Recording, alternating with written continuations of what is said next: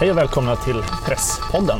Eh, Jag heter Martin Schibbye och står här i Modgallerian i Pressbyrån eh, tillsammans med Britt Stakston som är mediestrateg och VD. Eh, och vi gör ju den här podden ihop med Pressbyrån. Och idag har vi ingen gäst. Nej. Du och jag får en chans att prata massor. ja. Eh, Och det har ju hänt väldigt mycket sen vi, det har ju alltid gjort det, sen vi, vi poddade sist. Ja, Eh, ja, jag har allt, allt, alla möjliga saker i, i huvudet. Eh, det som, eh, vi satt ju hela förmiddagen idag och planerade verkliga Sverige och vår resa i Nils Holgerssons fotspår. Men det kanske vi kan eh, komma till mot slutet ja, för det behöver vi ju berätta mer Ja, om i det här formatet också. Vi lanserade ju före jul Mm. att vi faktiskt ger oss ut i Sverige och det känns ju som att utrikesjournalisten Martin Schibbye måste Mm. få lägga ut texten runt hur vi kom dit och vad det är vi ska göra. Mm. Eh, men eh, innan dess så finns ju massa annat vi kan passa på att berätta om. Du håller på för fullt och skriver fortfarande från din andra reportage, reportageresa till Eritrea. Jag tänkte tänka lite högt kring just det. Att, eh, det var andra gången jag var i Eritrea och försökte ju den här gången att inte titta så mycket på historien eller politikers ambitioner utan på nuet. Liksom, vad kostar ett kilo tomater? Eh, hur ser det ut? Vad, vad händer nu? Och gjort flera nedslag. Eh, eh både i en gruva i västra Eritrea, ett reportage som har gått eh, och också nu för någon dag sedan gick ett reportage om arkitekturen i Asmara. Eh, det är ju en gammal italiensk koloni och under den perioden så eh, ville ju eh, Mussolini liksom sprida civilisation inom citattecken eh, till kolonierna och hade ju en extrem ett, vad ska man säga, offensiv satsning på att bygga maffiga byggnader och hus, rent liksom fascistisk arkitektur. Och det finns ju kvar i Eritrea. Alltså, tre decennier av liksom, krig för självständigheten och sen krig mot Etiopien och sanktioner har gjort att mycket har konserverats i tiden. Så det är ett reportage som berör det, en vandring runt i Asmara. Men det som är så svårt med Eritrea och som också är utmaningen det är ju att jag tror aldrig jag varit med om ett land som är ett sånt minfält att skriva om. Alltså alla, efter att ha publicerat en artikel så frågar sig alla, är det här bra eller dåligt för regimen? Stöder du regimen eller vill du störta regimen med den här artikeln? Eh, och det där är så, sån konstig utgångspunkt. Och den frågan får du inte när du skriver om eh, andra länder som Nej, har samma skriva, problematik. Du kan ju skriva ett safari-reportage från, eh, från Zimbabwe utan att någon blir tokig och bara “men varför nämner du inte eh, Mugabe?” Eller det går ju att vara Saudi i Saudiarabien och göra reportage om, eh, om mode eller du kan skriva om eh, ungdomskultur i Iran utan att eh, liksom ständigt ha det här politiserade perspektivet. Alltså det är nästan Ja, man möts liksom av den här rakbladsvassa äggen så fort du har publicerat någonting. Eh, och du vet att du kommer få ägna timmar på Twitter eh, åt liksom, eh, bägge håll för att du kommer bli angripen för de mest underliga sakerna. Eh, men det, alltså det Men, ju- och det ja, drivs ja. inte av dem för att det finns ju i, ur ett svenskt perspektiv den självklara frågan om det horribla i att en person sitter fängslad sedan 16 år utan Ja. fängelsestraff, utan att veta för vad och inget tidsbestämt straff och inget möte med diplomater eller familjer.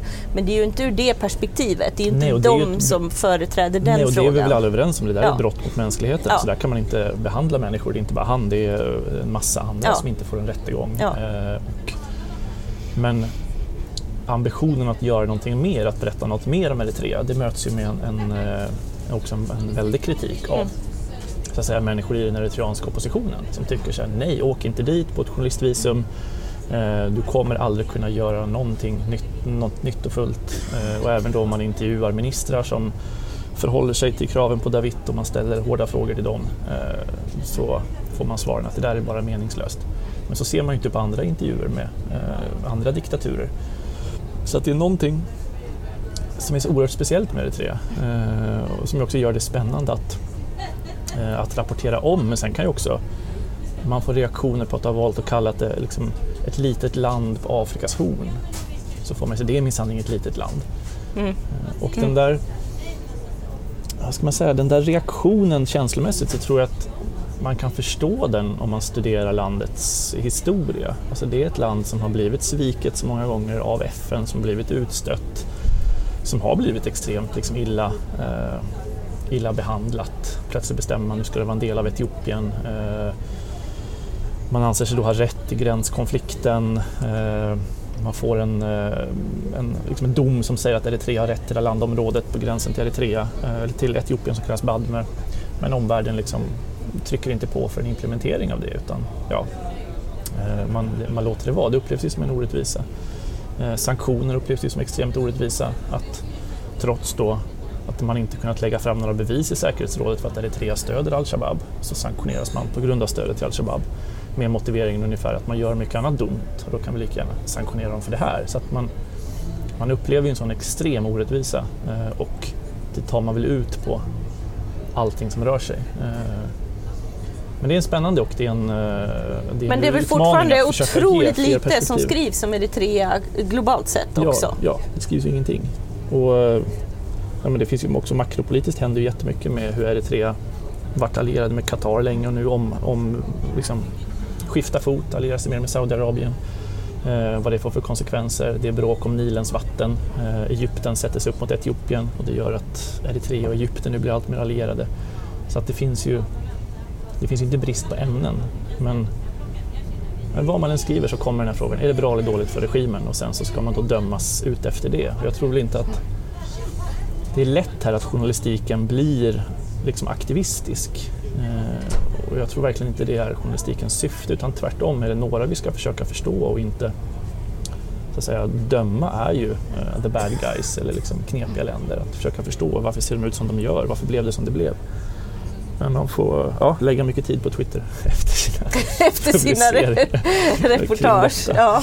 Uh, ja, det är spännande. Jag tror inte det finns något annat. Uh... Ja, du pratar ju så mycket om journalistiken som en process. Ja, ja.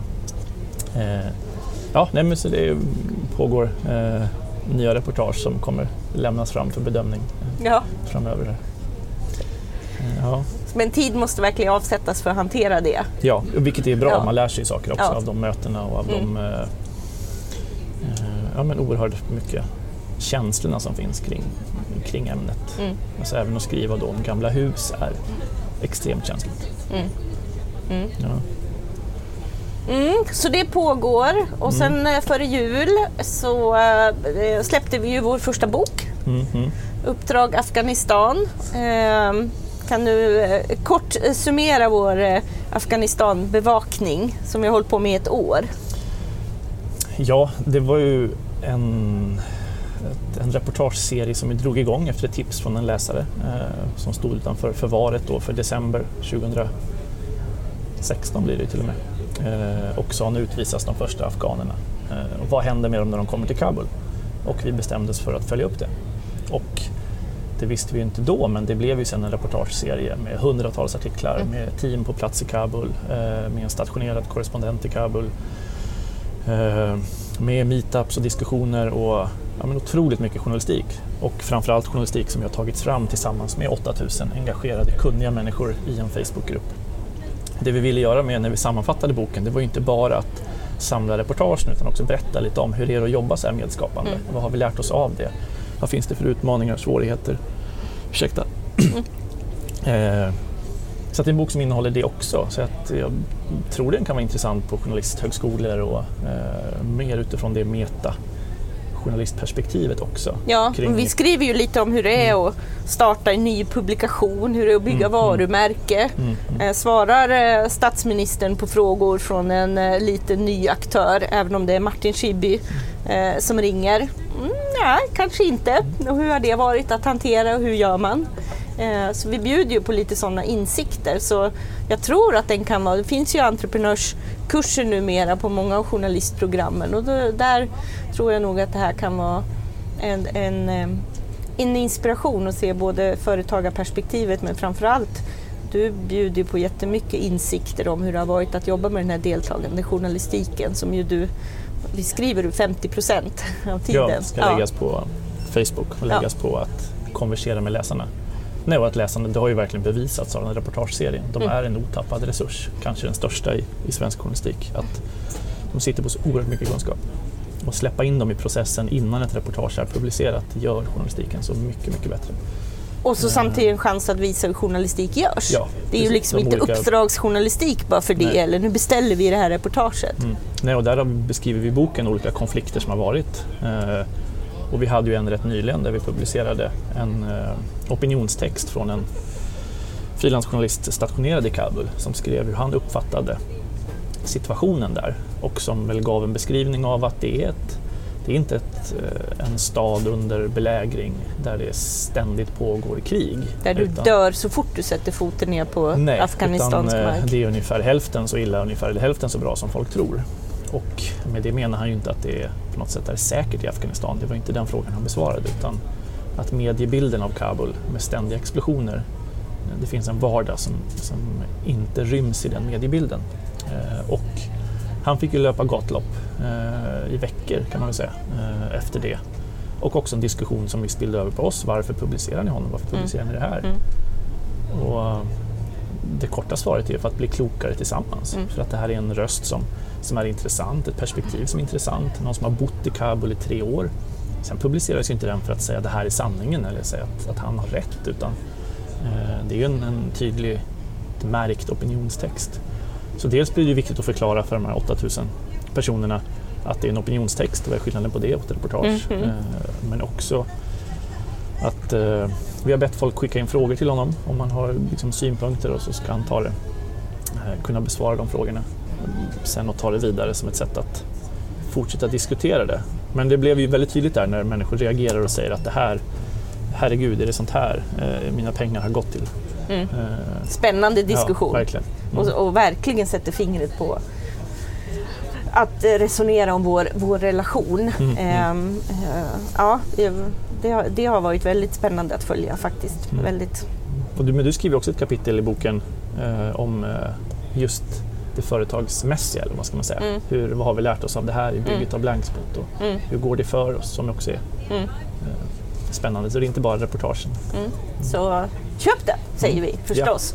Men eh, så är det ju roligt, nu har vi ju en mall och kommer väl jobba på det här sättet när vi tycker att det finns en anledning att, att summera eller sätta fokus på, på något fenomen.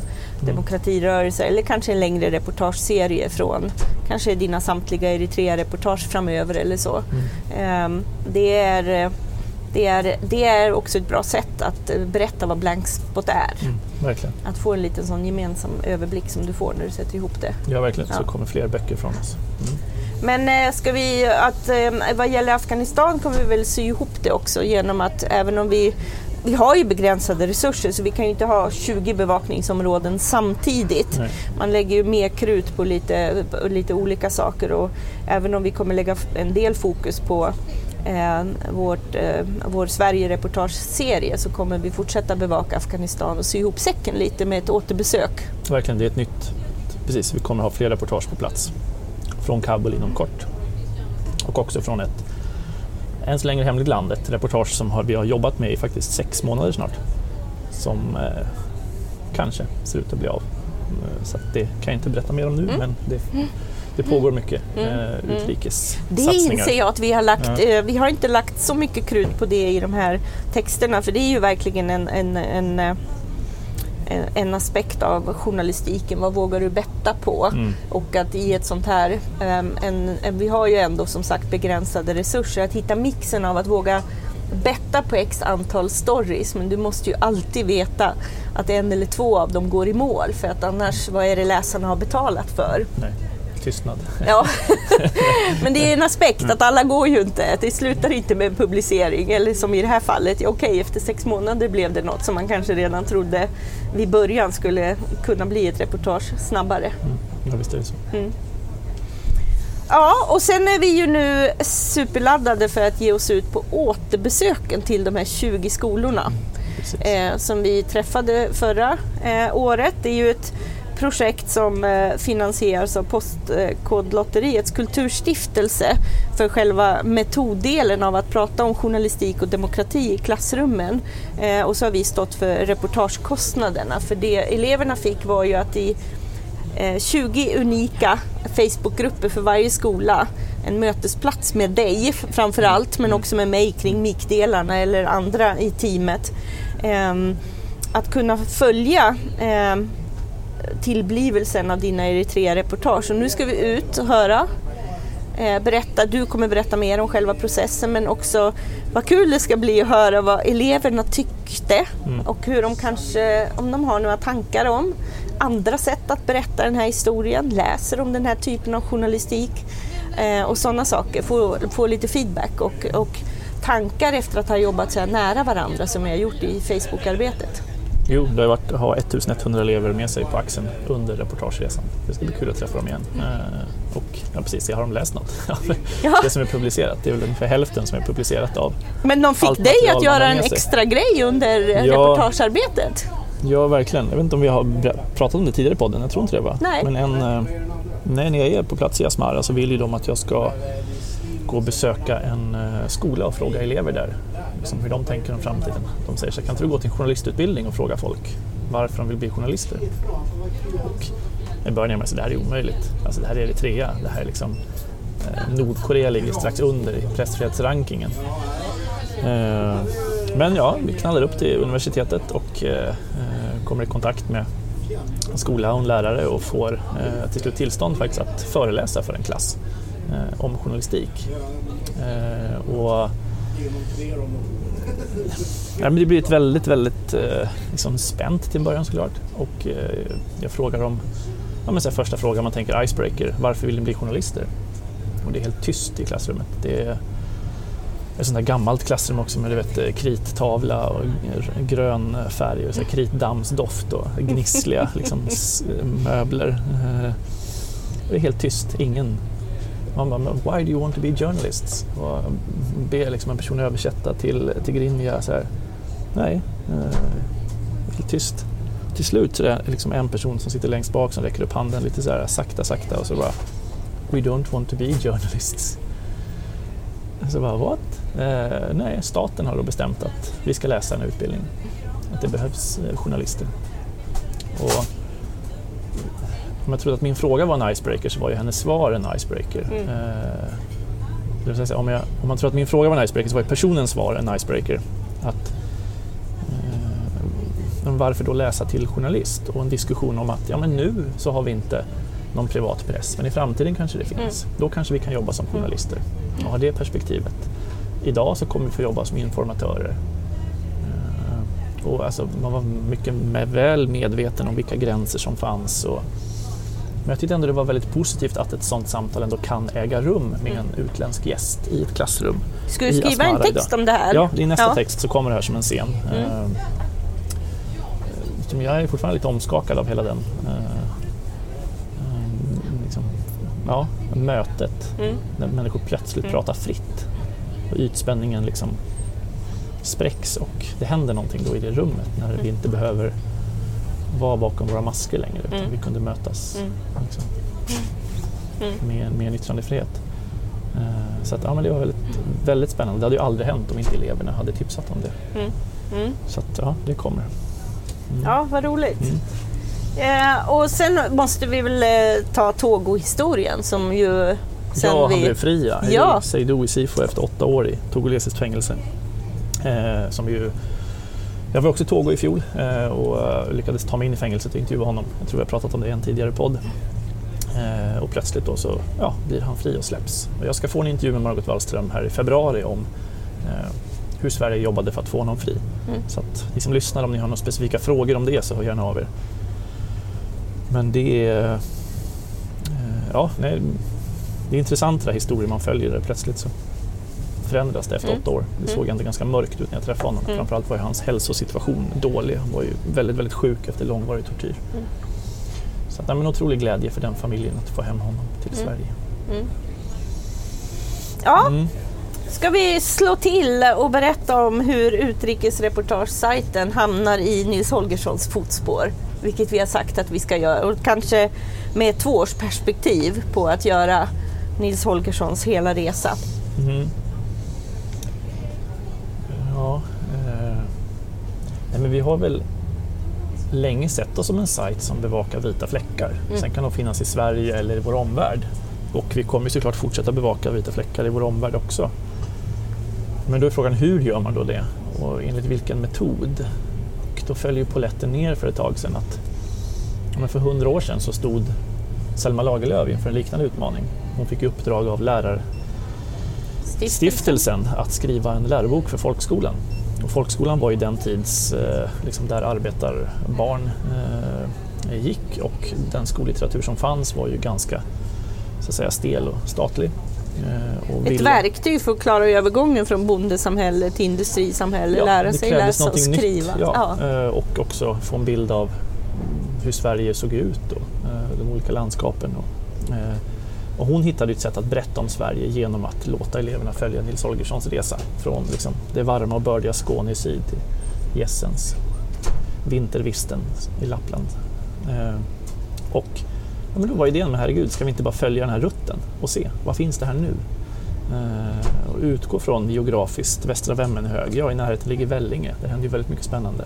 Det är kanske där man börjar. Och sen titta, vad händer vid eh, Vombsjön idag? Vad händer på Glimminghus? Vad händer på Kullaberg? Vad händer på alla de här geografiska platserna. Hur ser det ut på det sockerbruket som Nils Holgersson flyger över? Finns mm. det kvar? Spegla nutiden i lite ja. tillbaka ja, blickar och se hur man löste då. Precis, och, ja. precis. Eh, och, eh, det man märker är ju att eh, mycket av de geografiska platserna finns ju kvar men många av utmaningarna är också eh, de samma då som nu.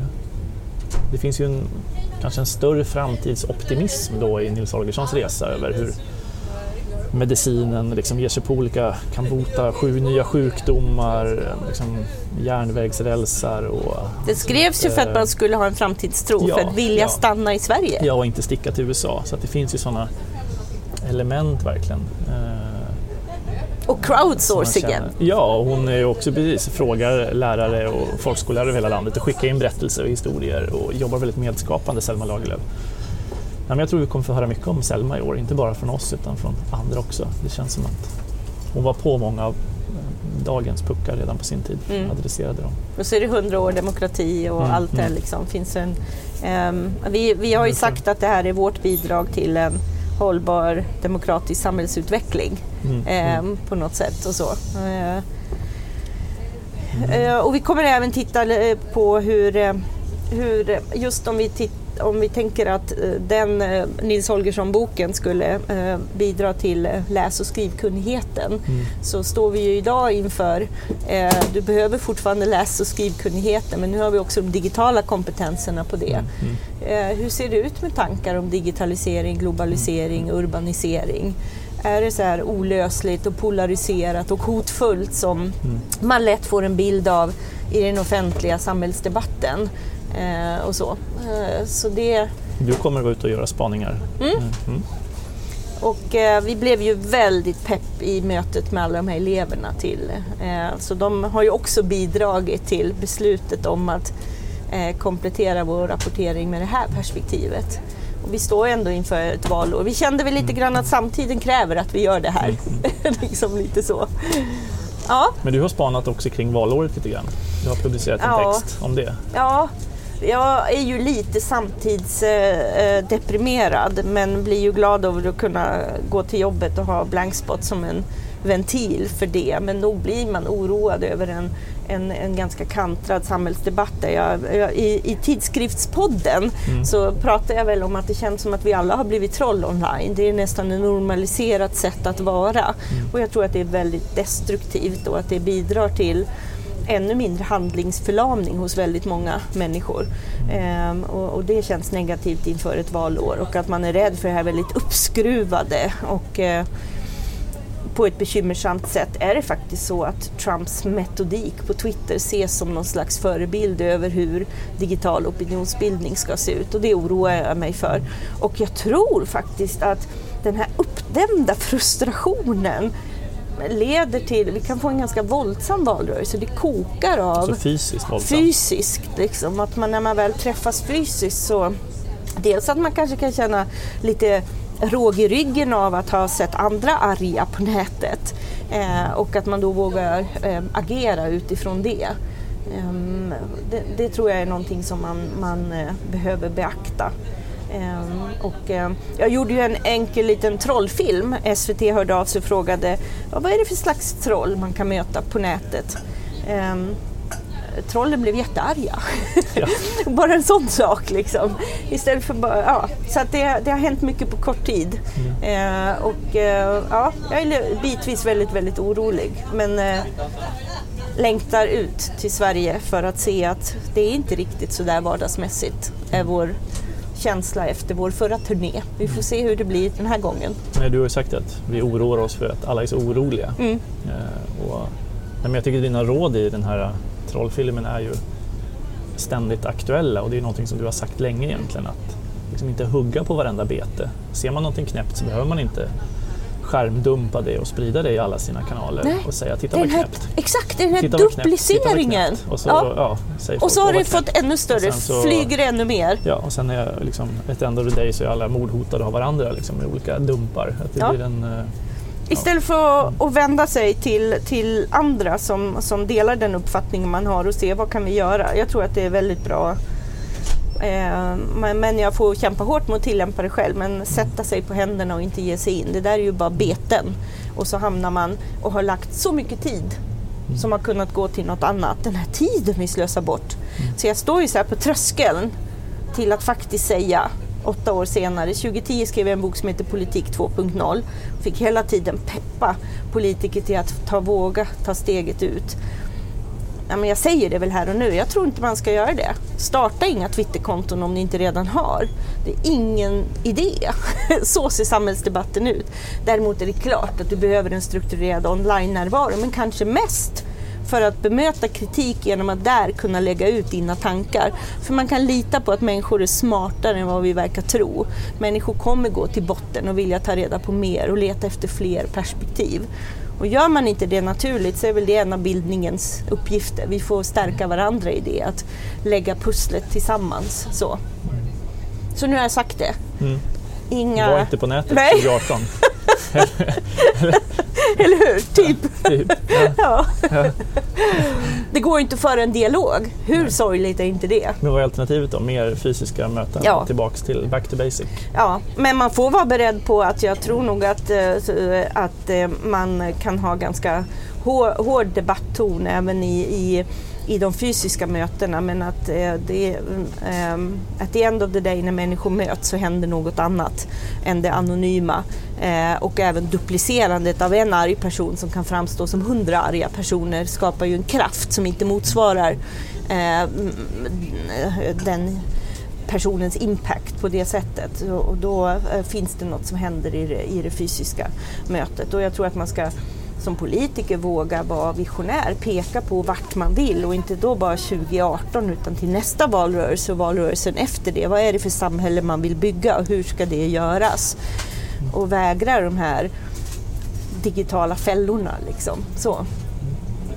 Mm, spännande. Ja. Hoppas att du är på nätet i alla fall. Att du inte, att du inte lever som du lär Nej, jag ska ut på turné och träffa folk ja, på också, bibliotek eller kanske ja. något mm, mm. Ja, så här, vi var ju i Haparanda och eh, träffade en fantastisk kultursekreterare som berättade om sina möten med eh, eh, elever. Jag tror att de jobbar med ett program där de säkerställer att alla får veta hur man jobbar med organisationer eh, och, och, vad det hade skapat i form av handlingskraft. Den typen av möten. Mm.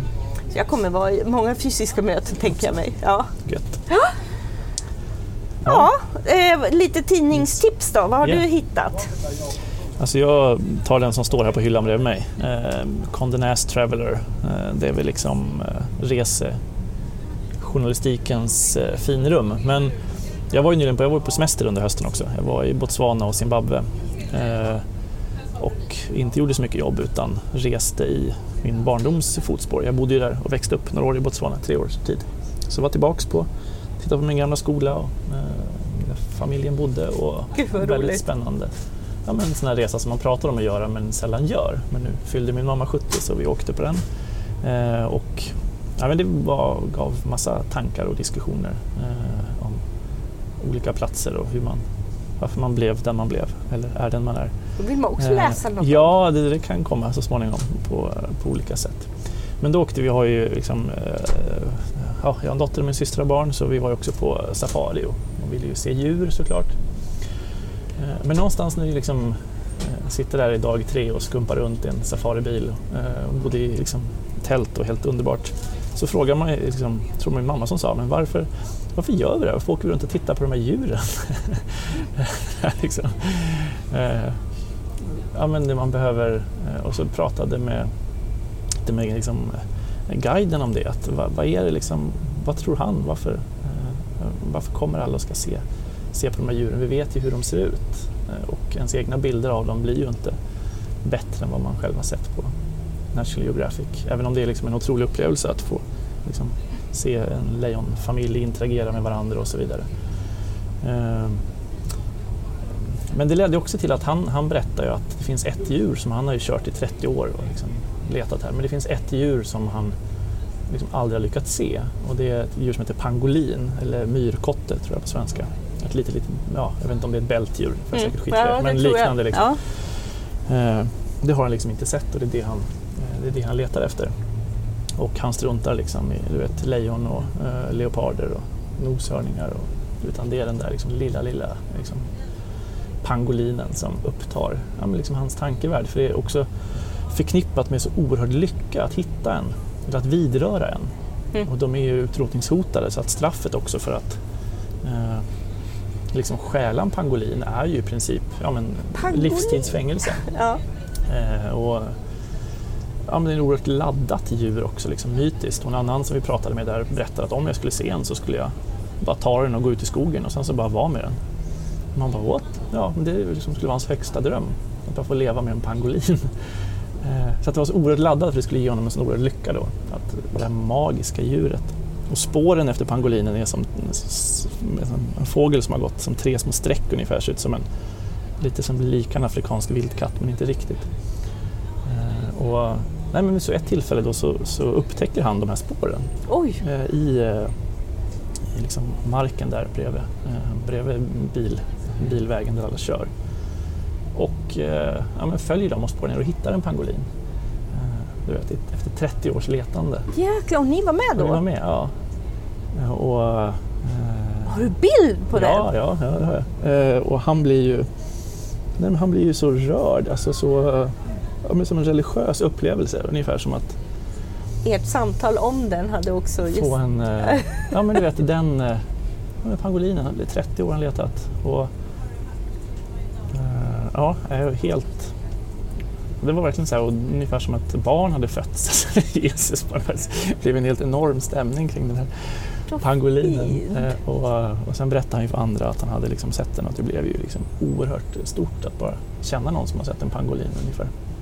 Eh, och det kom fram liksom andra historier om hur eh, ja, liksom vad, det, vad det hade betytt. Så nu han, har ju han evig lycka liksom, eh, för att han då har sett och vidrört den här pangolinen.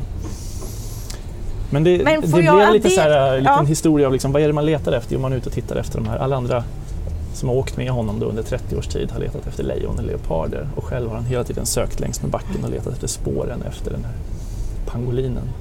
Eh, och till slut, till slut hittar han den. Så där finns ju också någon, det är ju ett, ett reportage som man borde skriva eh, framöver såklart. Ja. Så därför valde jag den tidningen. Ja, men, men ähm, Safari-delen, alltså eh, det handlar ju också som, eh, för mig personligen upplever jag att det handlar så mycket om, det är samma känsla som att gå ut i urskogen utan liksom flera mil till närmaste eh, människa som bor någonstans eller så. Att det är liksom att gå tillbaka till ens rötter. Om vi pratar om att spegla i historien. Mm. Eh, och åker du på safari i Nairobi så kan du till och med se staden borta mm. i horisonten. Mm. Eh, det blir ju så väldigt, liksom, ja.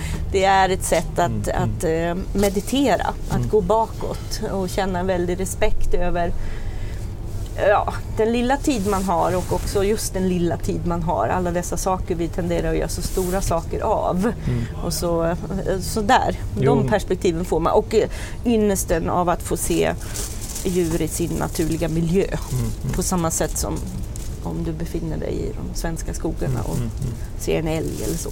Jo absolut, det är klart det är helt unikt. Det som också var lite kul att se det var att man såg flera kvinnliga liksom, guider. Det fanns mm. ju inte för 30 år sedan, mm. minns. Och också flera liksom, eh, botswanier som också var på safari. Det var ju också eh, inte bara ska man säga, de här rika vitingarna Mm. eh, som man ju annars ser liksom, rustade till tänderna för hardships och klädda i Mm. alla möjliga Mm. lustiga Mm. utstyrsel. Eh, ja, den sidan finns ju också av den, den typen av turism. Liksom. Mm. Mm. Ja, Ja, men eh, Pressbyrån är ju fylld av eh, Mm. många olika eh, och jag fastnade för något som det bara står system Mm. och så står det What is Virgil Abloh? Och han är ju då en eh, designer Mm. från Milano som IKEA har plockat upp och här ser vi alltså tre olika omslag. Vi lägger ut en bild på det sen och här pratar vi, här pratar vi, vad kan det här vara, 500 sidor? ja det ser mäktigt. Vogue-format, Telefonkatalog. liksom. Ja. telefonkatalog.